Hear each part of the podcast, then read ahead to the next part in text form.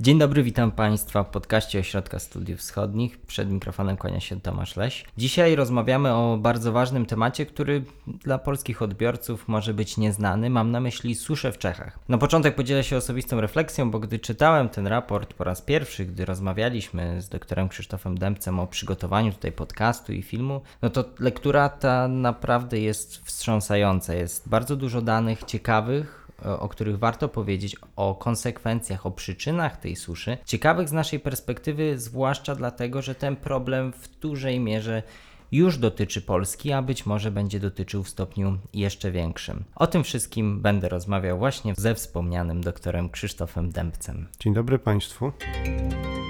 To jest podcast Ośrodka Studiów Wschodnich.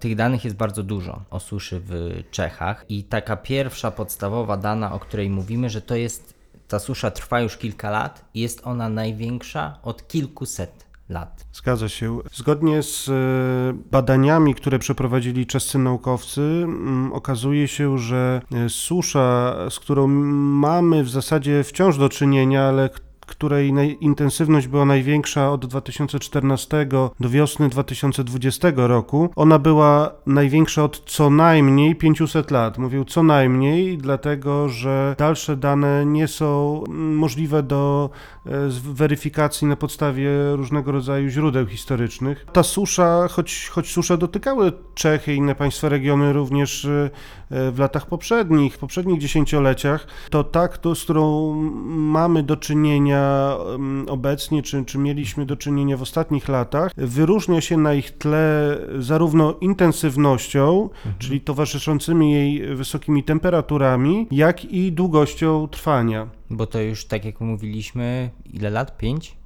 E, od 2014 to w 7 lat 2020 roku Czechy weszły w siódmy rok suszy. No, mhm. Obecnie e, te, te, te problemy nie zostały całkowicie jeszcze rozwiązane, czy, czy, mhm. czy ten problem nie został całkowicie zażegnany, natomiast sytuacja znacząco się poprawiła z uwagi na deszczowe, dość deszczowe mhm. lato i jesień ubiegłego roku, pokrywę śnieżną mhm. ostatniej zimy. Problem e, wciąż pozostał, zwłaszcza w wymiarze regionalnym. No i pozostały też e, pewne problemy strukturalne, o których powiemy sobie w tym, e, w tym podcaście. Problemy mhm. strukturalne czeskiego rolnictwa czy leśnictwa, które e, czynią mhm. kraj wrażliwym na mm, kolejną falę mhm. suszy. No i tak właśnie prognozują też czescy eksperci, że, że ta susza nie tylko, że powróci, ale ona powróci z jeszcze większą intensywnością za 2-3 lata, może za rok. Trzeba wykorzystać ten czas relatywnie lepszy, żeby się na to e, we właściwy mhm. sposób przygotować. E, bo tak jak mówi, tak jak z tego, co, co, co tutaj e, mówisz, z tego, co z tego wynika, że pewna choroba pozostała, objawy w tym momencie się trochę uspokoiły, ale choroba jest. Ale zanim jeszcze przejdziemy do tych przyczyn, bo one są przeciekawe i tak jak mówię, niestety w dużej mierze będą dotyczyć i dotyczą także, także Polski, ale najpierw powiedzmy może, co to jest w ogóle susza, co, co my rozumiemy, bo też mm, mówiąc tutaj o suszy i tak jak będziemy tutaj Państwu o tym opowiadać, e, to rozumienie jest trochę głębsze i nie odnosi się tylko do takiego bardzo prozaicznego spojrzenia, ale też do spojrzenia dosłownie w głąb, w głąb ziemi. Tak, y, tutaj często suszę kojarzymy, słysząc to pojęcie, z pustynnymi terenami gdzieś w Afryce Północnej czy na Bliskim Wschodzie. Tu dobrze określa to pojęcie czeska koncepcja ochrony y, przed konsekwencjami suszy w Czechach, a mianowicie odróżnia ona suszę od niedostatku wody. Czym one się różnią? Susza jest terminem, który odnosi się do wielkości opadów, stanu wody w glebie, stanów wód powierzchniowych czy podziemnych, który jest obniżony w relacji do długookresowej średniej, czyli mm, odczuwamy y, zmianę in minus, jeśli chodzi o zasoby wodne. Natomiast niedostatek wody, który czasami jest utożsamiany z suszą, oznacza po prostu, że poziom zasobów wodnych jest niewystarczający dla zaspokojenia wymogów e, społeczeństwa. Tak więc, choć działania człowieka mogą pogłębić problem suszy, to ona jest generalnie zjawiskiem przyrodniczym i nie można tego powiedzieć właśnie niedostatku wody, który, który mm, oznacza po prostu wykorzystanie wody na większą skalę niż e, pozwala na to naturalne odnawianie się zasobów wodnych. E, Właśnie i tutaj już dotykamy przyczyn, więc wejdźmy w ten temat. Pierwsza z przyczyn, najbardziej chyba oczywista i która może Państwu przyjść do głowy i będzie to odpowiedź prawidłowa, globalne ocieplenie. Zgadza się. W os- ostatnie lata, mm, czy ostatnia dekada była pod tym względem e, w Czechach no wiele mówiąca. E, W opracowaniach naukowych mówi się o dniach tropikalnych jako dniach, kiedy temperatura przekracza 30 stopni i dniach letnich, gdy mm, osiąga 25 stopni Celsjusza. Otóż w Czechach w ostatniej dekadzie takich dni było trzykrotnie więcej niż w latach 60., gdy podobne pomiary rozpoczęto. Czyli trzykrotnie wzrosła liczba takich dni w ciągu ledwo 50 lat. 50, 60, 60 lat. No, jest to, jest to w skali istnienia ludzkości relatywnie krótki okres, natomiast zmiana no, bardzo duża. Też jeśli popatrzeć na pomiary ciepła, które są mierzone od, 7, od lat 70. XVIII wieku w Pradze, no to w ciągu tych kilkuset lat, trzy ostatnie lata znajdują się w czołowej piątce tego zestawienia, więc to pozwala sobie uzmysłowić, jak, e, jak jednak temperatury poszły, poszły w górę. A czy- czy- prognozy są jeszcze gorsze, bo z tego, co, co wyczytałem właśnie w, w raporcie, na którego kanwie rozmawiamy, on oczywiście będzie w opisie, e, raporcie o suszy w Czechach, ta temperatura i klimat w Czechach ma się dalej zmieniać do tego poziomu, że będzie za kilkanaście lat taki jak w Gruzji. Oczywiście jest zawsze obarczone pewnego rodzaju e, niepewnością, ale są takie prognozy, które są przygotowywane mm, na podstawie danych ostatnich lat przez ekspertów. Tutaj te, te, te informacje, które ja chociażby cytuję w, raporcie, pochodzą z Politechniki w Zurichu bodajże. Natomiast no, faktycznie jest też tak, że e, klimat, klimat wykazuje pewnego rodzaju zmienność. I w Czechach w ciągu ostatnich, dajmy na to 50-70 lat były okresy chłodniejsze i okresy cieplejsze. Natomiast widać też na tym tle pewne trendy, które mimo wszystko się zarysowują i pozwalają mówić o pewnych zjawiskach długofalowych i pozwalają też tym samym snuć pewnego rodzaju prognozy. Pewności nigdy nie mamy, jak to z przyszłością bywa. W wydarzenia ostatnich e, miesięcy czy dwóch lat nas o tym mocno przekonały, że trudno coś stuprocentowo przewidzieć. Natomiast są pewne długofalowe trendy i z nich można wysnuwać pewne, pewne wnioski czy predykcje. Jak mówimy o globalnym ociepleniu i zaostrzeniu się pewnych zjawisk pogodowych, to ktoś może powiedzieć, ale przecież są powodzie, jest dużo powodzi. Jak to, to, jak to pogodzić z tym, co mówimy teraz o suszy?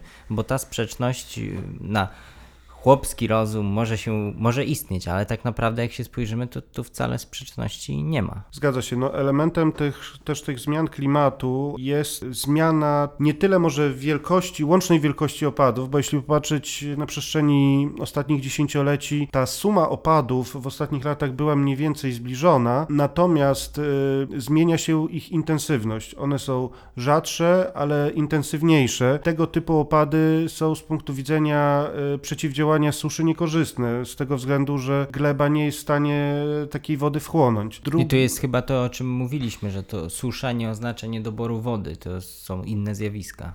Zgadza się. No Jest to, jest to zjawisko bardziej, bardziej złożone i też, e, któ- które kontrastujemy z e, pewną długookresową średnią ostatnich lat czy dziesięcioleci. Jeśli już mówimy o glebie i jej zdolno- zdolnościach absorpcyjnych, to nie możemy nie wspomnieć, że Czesi tutaj mocno utrudnili sobie zadanie w walce z suszą, nastawiając się przez dziesięciolecia przede wszystkim na przeciwdziałanie skutkom wielkich powodzi. Właśnie z tymi powodziami przez e, ostatnie lata głównie kojarzyliśmy raczej Czechów w takiej, Czechy takiej może niezbyt dogłębnej dyskusji medialnej o, o kraju naszych południowych sąsiadów. No i nie jest to tak do końca nieuprawnione. W latach 1997-2013 Czechy zażyły 8 wielkich powodzi One pociągnęły ze sobą e, ponad 100 ofiar. Też takie powodzie zdarzyły się w latach wcześniejszych i Czesi starali się ten e, swój krajobraz dostosować do tego, aby ta woda e, odpływała z kraju jak najszybciej. W ciągu ostatnich 100 lat skrócono rzeki o 30%, zmniejszono tereny bagienne, mokradła o około 80% i w ten sposób pozbawiono się naturalnej takiej gąbki, która mogłaby tę wodę w kraju zatrzymywać. Dochodzi do tego polityka rolna, e, którą, która była stosowana w ostatnich latach, e, w, ostatnich dziesięcioleciach e, i była związana też z kolektywizacją rolnictwa. No właśnie, zatrzymajmy się chwilę przy tej polityce rolnej. Jak rozumiem, jednym z przyczyn też ogólnie tego, co się dzieje w Czechach, jest właśnie polityka rolna i też właśnie struktura niejako własnościowa tych, tych pól rolniczych w Czechach. Tak, Czechy mają obecnie największą średnią e, powierzchnię gospodarstwa rolnego. To jest około 130 hektarów. Dla porównania w Polsce jest to 10 hektarów, więc, więc ta różnica jest ogromna. Co więcej, ona zaznacza się też, jeśli popatrzymy na procent powierzchni upraw, e, które są zajmowane przez te wielkie gospodarstwa. W Czechach jest 190 kilka procent, w Polsce 30 kilka, więc tu też jest ta różnica duża. Dlaczego jest to niekorzystne? Po pierwsze, mm, mamy do czynienia w Czechach z wielkimi monokulturowymi uprawami. One często są obficie nawożone. Jeśli są e, i monokulturowe, często nie są przedzielone żadnymi miedzami, zagajnikami, a te elementy często są pomocne też w zatrzymywaniu wody. Jeśli są obficie nawożone, to też niszczona jest ta warstwa organiczna gleby, która najlepiej zatrzymuje wodę, różnego rodzaju mikroorganizmy. Nawożenie też y, pogarsza jakość wód y, głębinowych. No i ostatecznie to wszystko składa się y, na obraz niezbyt korzystny. No ta, ta gleba, która jest w Czechach, ona w większości nie jest w stanie zatrzymać dużych ilości wody. No i to też jest jedna z przyczyn chociażby tych powodzi, o których y, wspomniałeś. Ale jak mówimy o polityce rolnej, już, jak już jesteśmy w tego rodzaju tematach, to też warto powiedzieć o tym, że no nie pomogła także polityka leśnictwa, zalesiania. Zgadza się. Tutaj za prawinnych tego stanu rzeczy można określić rodzinę Habsburgów, dynastię Habsburgów, którzy rządzili Czechami przez e, kilkaset lat. Szczególne zasługi w cudzysłowie mają tutaj cesarzowa Maria Teresa i cesarz Józef II Habsburg, którzy intensywnie promowali sadzenie świerków jako też metody produkcji surowca, cennego surowca w budownictwie chociażby wówczas. I w E, ogóle w przemyśle. i w ogóle w przemyśle, zgadza się. Później ta, ta polityka nie została jakoś znacząco zmieniona, chociaż tak naprawdę już po II wojnie światowej e, eksperci ostrzegali przed niebezpieczeństwami podobnych monokultur e, związanych z drzewami iglastymi. Czechy zresztą doświadczyły e, różnego rodzaju plag z tym związanych. Trzeba powiedzieć, że świerki pierwotnie rosły w Europie na wyższych wysokościach i do nich są przystosowane, natomiast ocieplanie się klimatu bardzo negatywnie wpływa na te drzewa. A No i dlaczego właśnie świerki są niekorzystne, jak rozumiem, i pomagają? Akurat świerki. Ogólnie chodzi o drzewa iglaste, natomiast w czeskich warunkach e, chodzi o świerki. Drzewa iglaste pierwotnie rosły właśnie na, na wyższych wysokościach geograficznych i do takich są przystosowane. Natomiast w warunkach czeskich, kiedy z jednej strony mamy ocieplający się klimat, a jeszcze do tego dochodzi e, polityka monokultur e, drzew iglastych, to czyni je szczególnie podatnymi na inwazję chociażby kornika. W ostatnich kilku latach e, susza była związana w kontekście leśnictwa właśnie z plagą kornika i wykarczowano ogromne ilości drzew. Też e, te, te tereny, gdzie, gdzie te drzewa są wykarczowane, one też łatwiej będą pustynniały, aczkolwiek no też, też są sadzone nowe drzewostany i Jednym też z rozwiązań, które wprowadził rząd Andrzeja Babisza jest wprowadzenie, zwiększenie odsetka drzew liściastych, które muszą być właśnie na takich terenach e, sadzone. Powiedzieliśmy o polityce rolnej, powiedzieliśmy o e, leśnictwie, powiedzieliśmy o globalnym ociepleniu, ale są także te czynniki związane z położeniem geograficznym Czech. Zgadza się. E, Sami Czesi mówią o sobie, że leżą na dachu Europy. To tajemnicze określenie może budzić skojarzenie właśnie z wodą, która szybko spływa e, gdzieś e, z tego dachu. I tak jest właśnie w przypadku w dużej mierze górzystych Czech. One leżą na głównym rozlewisku rzecz. I trzy duże europejskie rzeki mają tutaj swoje źródła. Akurat tak się złożyło, że wszystkie trzy w pobliżu granicy z Polską. Mianowicie chodzi o Łabę, e, Morawę, która jest dopływem Dunaju i Odrę. Bardzo szybko też woda opadowa stamtąd odpływa za granicę, stąd Czechy są bardzo mocno uzależnione z jednej strony od właśnie wielkości od, opadów, w danym roku, która wykazuje zmienności, ale też z drugiej strony od zdolności retencyjnych, gdzie jak już wspomnieliśmy, nie we wszystkich aspektach sobie w ostatnich latach czy dziesięcioleciach pomagali. Mhm. Na końcu jeszcze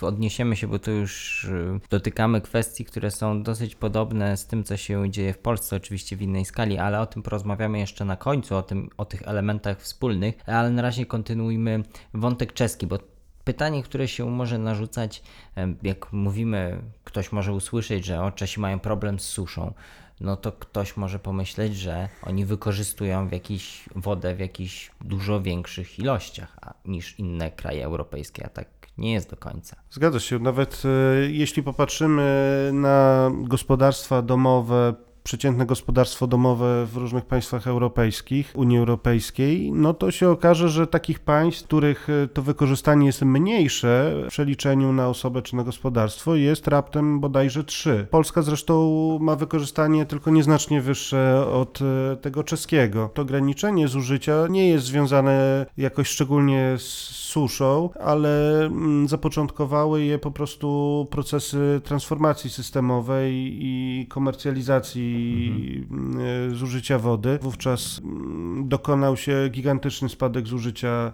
wody w gospodarstwie domowym, no ale też wzrost cen w ostatnich latach nie ułatwia decyzji o zwiększaniu zużycia. Podobnie decyzje administracyjne, które ograniczają możliwość e, sezonowego, sezonowego e, nalewania wody do basenów czy, czy podlewania ogródków. Mhm. Teraz może się Państwu rzucać takie pytanie, no konsekwencje to jest naturalna e, naturalna droga rozumowania i naturalne pytanie, które się tutaj pojawia. No i najpierw porozmawiajmy o konsekwencjach w branży chyba najbardziej oczywistej, czyli w rolnictwie, bo tutaj te konsekwencje już są i mogą być jeszcze większe. Czechy już e, przed okresem suszy były krajem niesamowystarczalnym żywnościowo i ten temat samowystarczalności żywnościowej w dyskusji, w debacie publicznej Czech co, co jakiś czas się przewija faktycznie. No i susza też e, w tej dyskusji stawia, można powiedzieć, pogarsza pozycję Czech, e, dlatego że susza wpływa na obniżenie wielkości płodów rolnych, ogranicza możliwość podlewania, czym czyni w ogóle nie, nieopłacalnym uprawę chociażby zbóż, gdzie, gdzie po prostu nie podlewa się tego typu upraw. I to wpływ, wszystko wpływa, jak rozumiem, na ceny żywności na półkach. Zgadza się. No, w ostatnich latach te ceny wzrosły nie tylko szybciej od ogólnej stopy inflacji w kraju, ale też e, rosły szybciej niż wzrastały ceny żywności w innych państwach, czy niż średnia, średnia dla, dla Unii Europejskiej. Mhm. Kolejne pole, na którym te konsekwencje widać i co już jest może mniej trochę oczywiste, to energetyka. Susza jest szczególnie niebezpieczna dla dwóch rodzajów energetyki, na których opiera się czeski miks energetyczny, mianowicie energetyki jądrowej i węglowej. Do tego grona można by jeszcze dodać energetykę wodną, która no, w naturalny definicji. sposób się nasuwa i póki co jest, jest to główne odnawialne źródło, woda jest głównym odnawialnym źródłem energii Czechach, ale jej znaczenie spada. W ostatnich kilku latach udział wody w zaspokajaniu potrzeb e, elektroenergetyki spadł z około 4 do 2%. Nie był to znaczący udział, tym niemniej e, problemy są wyraźne i Czes, który duży czeski mhm. koncern energetyczny kontrolowany przez państwo, notuje znaczące spadki produkcji e, energii elektrycznej w swoich elektrowniach wodnych. Mhm.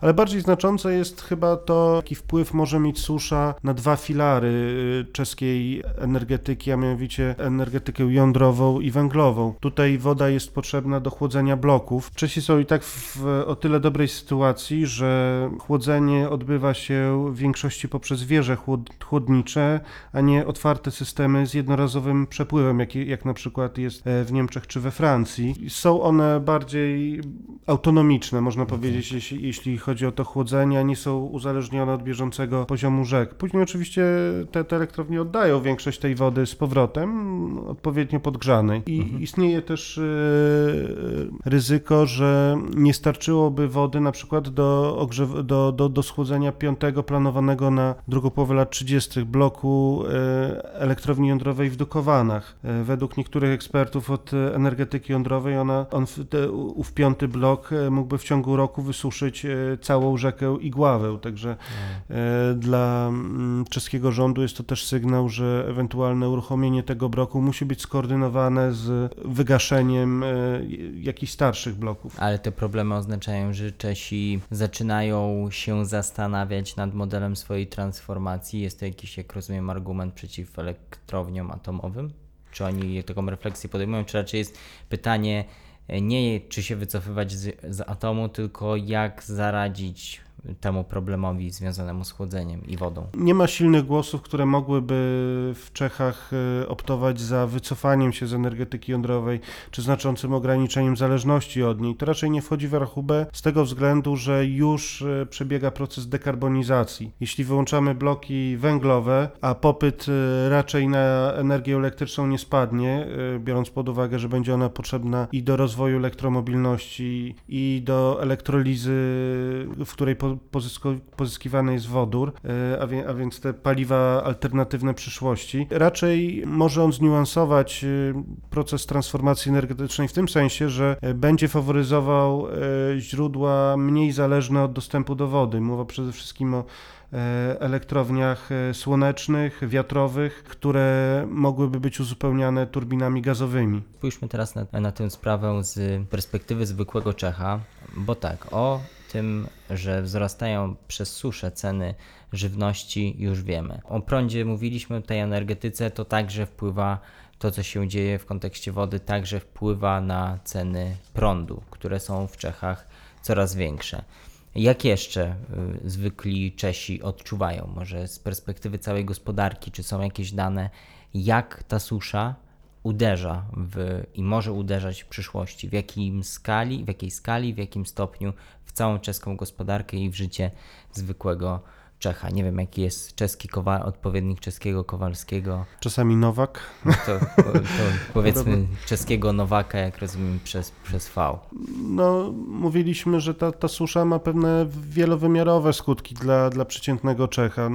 Z jednej strony, no, przeciętny Czech czy przeciętna rodzina czeska, ona często ma jakieś tam swoje, swój domek e, gdzieś w Karkonoszach, czy, czy w każdym razie poza Pragą, czy dużym miastem, miastem w którym żyje, tak zwaną chałupę. Takie E, Rodos nasze. E, Tak, i do, do, do tych swoich domków Czesi często na, na weekendy wyjeżdżają. Tam często mają jakiś basenik, no i też potrzebują dostęp do, do bieżącej wody. I, I w sytuacji, kiedy dostęp do wody jest ograniczony, czy to decyzjami administracyjnymi, czy, czy jest utrudniany poprzez zwiększanie ich cen, czy w jakiś inny sposób, komfort ich życia zdecydowanie spada. Dalej, w sytuacji, kiedy chcieliby nabyć e, taką e, nową gdzieś chalupę, powiedzmy w, jakimś mie- miejscu, mogą spotkać się z e, coraz większymi problemami. Tutaj widać, że kopanie chociażby studni utrudniają dodatkowo obostrzenia, które rząd przyjął przed dwoma laty. Mm, Dochodzi do tego niechęć sąsiadów, którzy coraz częściej w obawie przed wyczerpaniem własnych źródeł zaskarżają podobne plany drogą administracyjną. Takie historie są też opisywane w mediach. Także jest, jest to po prostu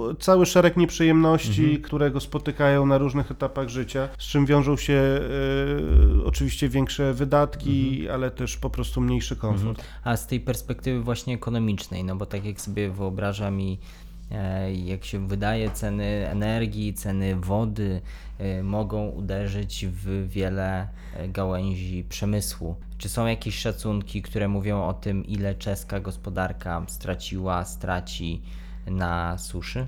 Tak, bodajże mm, czeski odpowiednik Najwyższej Izby Kontroli e, w 2018 roku e, Podsumowując rok 2018, wyliczył, że te straty bezpośrednie związane z suszą odpowiadają mniej więcej wysokości 0,5% PKB. Z kolei czescy naukowcy e, wyliczyli, że mm, jeśli obecne trendy się utrzymają, to w najbliższych latach należy się liczyć z około od procenta do nawet 5% PKB, które e, walka z suszą e, w różnych wymiarach pochłonie, a oni liczyli tylko te wpływy bezpośrednie, to znaczy wpływ na, na branże, które są silnie uzależnione od e, dostępu do wody, takie jak branża chociażby tekstylna, rolnictwo, a nie brali też pod uwagę kosztów środowiskowych, które też, też mogą być znaczące, czy, czy różnych trudnych do przeliczenia konsekwencji związanych z pogorszeniem komfortu życia. Mhm. Zanim opowiemy o tym, jak czeski rząd walczy z suszą, rząd na czele którego stoi premier Babisz, to powiedzmy też trochę o, e, o tym, że pan premier e, ma też związek z polityką e, rolną i z jednym z większych przedsiębiorstw, które działa w tej branży.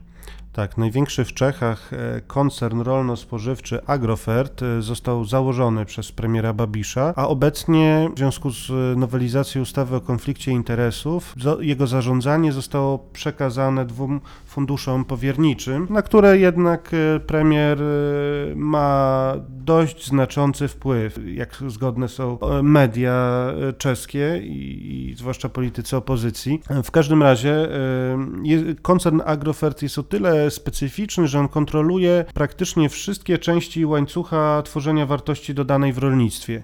E, zaczyna się od sprzedaży nawozów rolnikom i, i ziaren na dosiewu. Może im wynająć maszyny rolnicze, e, dalej skupuje od nich płody rolne, no a następnie można w sklepach nabyć e, produkty pod marką jednej ze spółek Agrofertu. Czyli ta firma jest jednym z beneficjentów tego, że struktura własnościowa i polityka rolna wygląda tak, a nie inaczej. Na przykład prze, przez to, że Agrofert jest dominującym sprzedawcą nawozów sztucznych w Czechach, e, on korzysta z obecnej struktury rolniczej, która jest dominowana przez ogromne monokultury wymagające obfitego nawożenia. Mhm.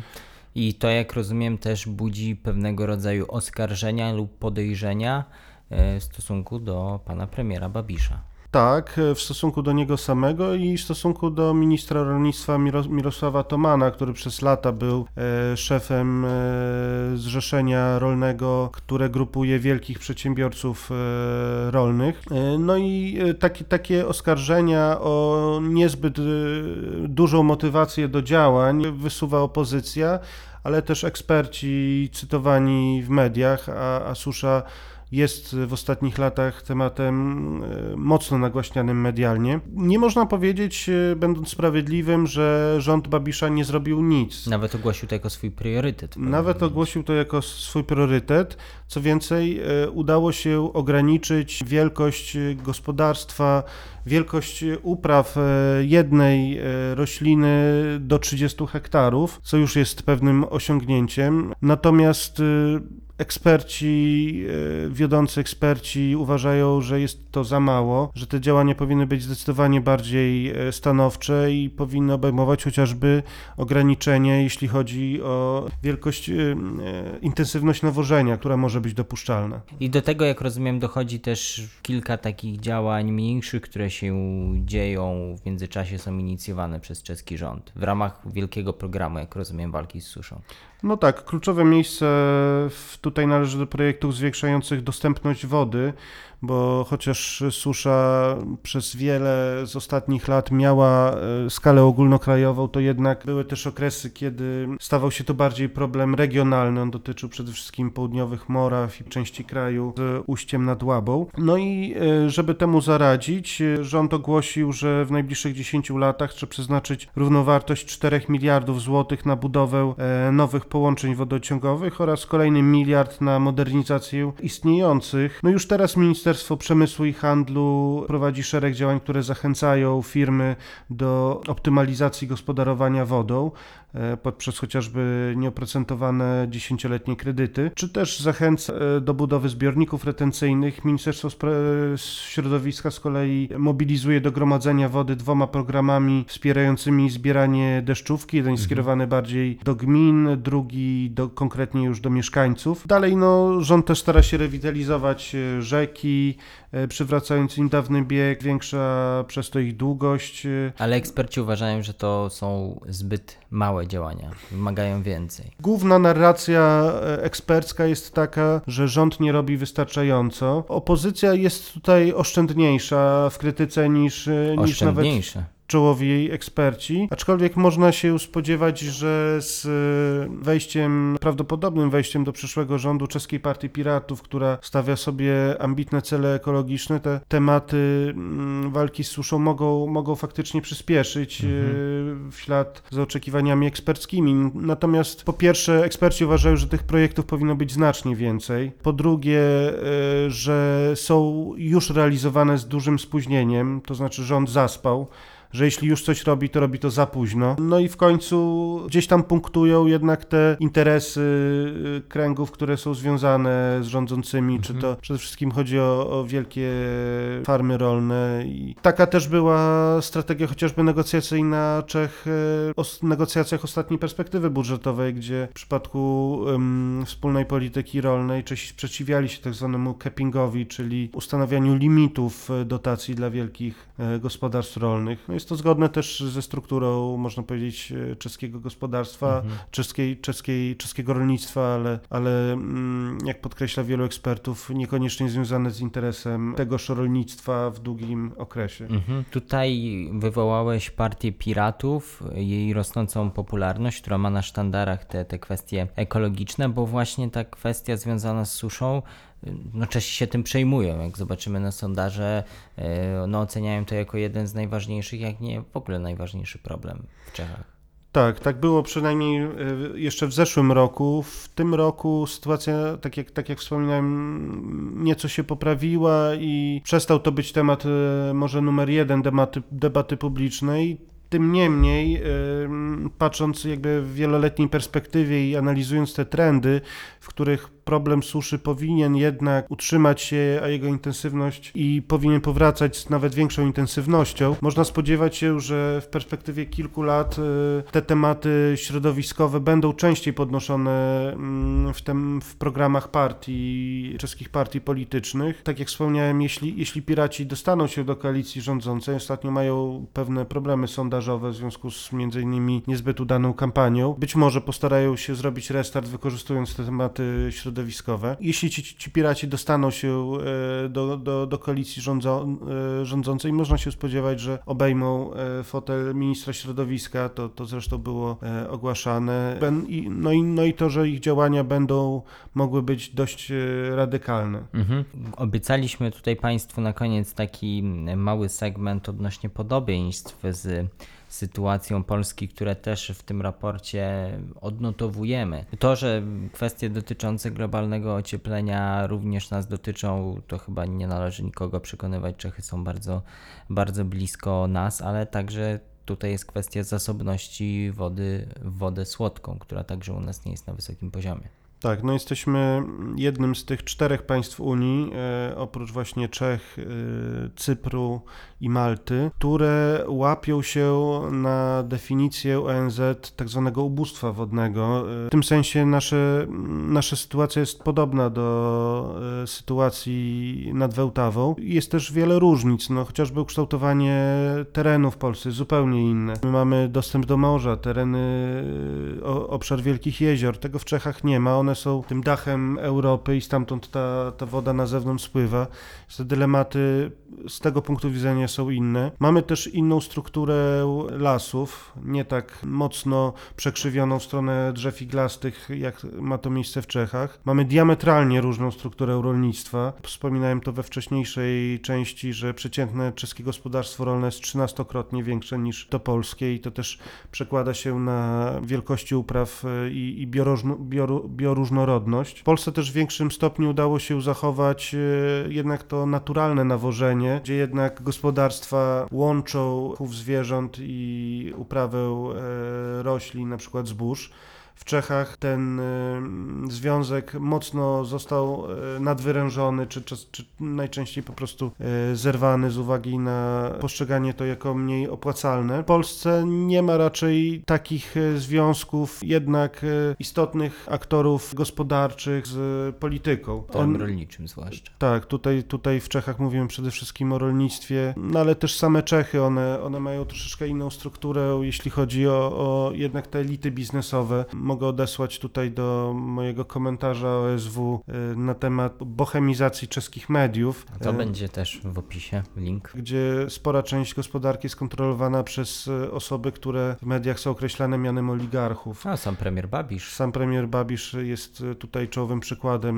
Ma, ma on nie tylko istotną funkcję polityczną, jest premierem w końcu. Ma jeden z największych przedsiębiorstw w kraju. Jego, jego firma, jego koncern Agrofert jest drugim największym pracodawcą prywatnym, Mhm. choć tu z zastrzeżeniem, że kontrolowany obecnie poprzez fundusze powiernicze. No i ma też y, istotne media. Ma chociażby dwa czołowe mm, dzienniki opiniotwórcze, najchętniej słuchane radio w Czechach, Radio Impuls. Także w obecnej kampanii jest to bardzo mocno dostrzegalne, y, gdzie premier występuje właśnie jako komentator w swoich mediach, to jak te media relacjonują różnego rodzaju wydarzenia związane z rządem. Mhm.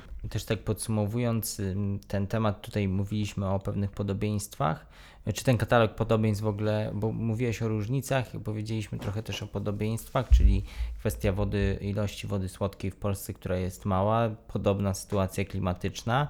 Czy są jeszcze jakieś podobieństwa, które mogą wskazywać na to, że w Polsce ten problem suszy może się pojawić w najbliższych latach? No przede wszystkim te trendy zmian klimatu, które dotyczą no, nie tylko Czech, one dotyczą całego regionu. To jak wspólnie tym problemem e, państwa regionu się zajmą, Już się trochę zajmują. już się trochę zajmują. Można powiedzieć, że jest, jest to coraz bardziej istotny temat różnych ugrupowań regionalnych. E, Polska prezydencja w Grupie Wyszehradzkiej postawiła sobie to za jeden z priorytetów e, i, i te rozmowy były prowadzone pod hasłem V for Water. Niedawno też odbyła się e, w Polsce konferencja w formacie Europy Karpat i tam też jeden z paneli dyskusji był, był poświęcony właśnie zagadnieniu do- zasobami wodnymi czy przeciwdziałaniu suszy. Z pewnością można się spodziewać, że te tematy będą e, powracać. No, one dotyczą nie tylko Polski i Czech, one dotyczą chociażby Węgier, dotyczą, dotyczą też Rumunii, tak jak wspomniałem, w mniejszym stopniu Słowacji, ale też e, nie, nie przez. e, Nie, w ostatnich latach Słowacja też nie była wolna od, od tych wyzwań związanych z przeciwdziałaniem skutkom suszy. Także, także jest to poważny, poważne wyzwanie i, i można się spodziewać, że też e, jakieś działania międzynarodowe będą w tym kierunku prowadzone, że te państwa będą też optować za tym, by w tym kierunku były przeznaczane środki unijne. Mhm. To był pierwszy podcast, w którym rozmawialiśmy bezpośrednio o suszy. No ale mam smutne wrażenie, że wnioskując z tego, co mówisz, bynajmniej nie był ostatnim i te tematy będą jeszcze wracać. Tym niemniej, em, polecając e, raport e, Ośrodka Studiów Wschodnich o suszy, możemy też nauczyć się z cudzych błędów i z cudzych też e, sukcesów, bo, bo nie można powiedzieć, żeby polityka Czech w tym kontekście była wyłącznie pasmem błędów. Także polecamy nasz raport o suszy, w którym te kwestie są e, opisane i, i warto wyciągnąć też wnioski dla e, polityki w Polsce i, i szerszym regionie. Tak, dokładnie. W raporcie więcej też o, o już takich stricte branżowych, można powiedzieć, rozwiązaniach, y, więcej detali, jeśli chodzi o to, o czym tutaj mówiliśmy w kontekście tego, co czeski rząd robi. Tymczasem dziękujemy Państwu. Dziękuję serdecznie. Wszystkie linki potrzebne, w tym do raportu, o którym rozmawialiśmy, są w opisie, do komentarza, także bardzo ciekawe, ciekawego o sytuacji mediów w Czechach. To wszystko znajdziecie Państwo w opisie.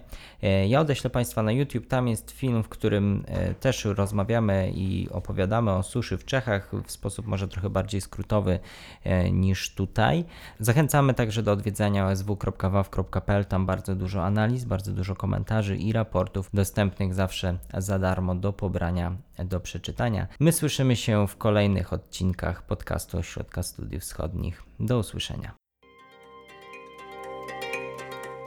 Wysłuchali Państwo podcastu Ośrodka Studiów Wschodnich. Więcej nagrań można znaleźć na stronie www.osw.waw.pl.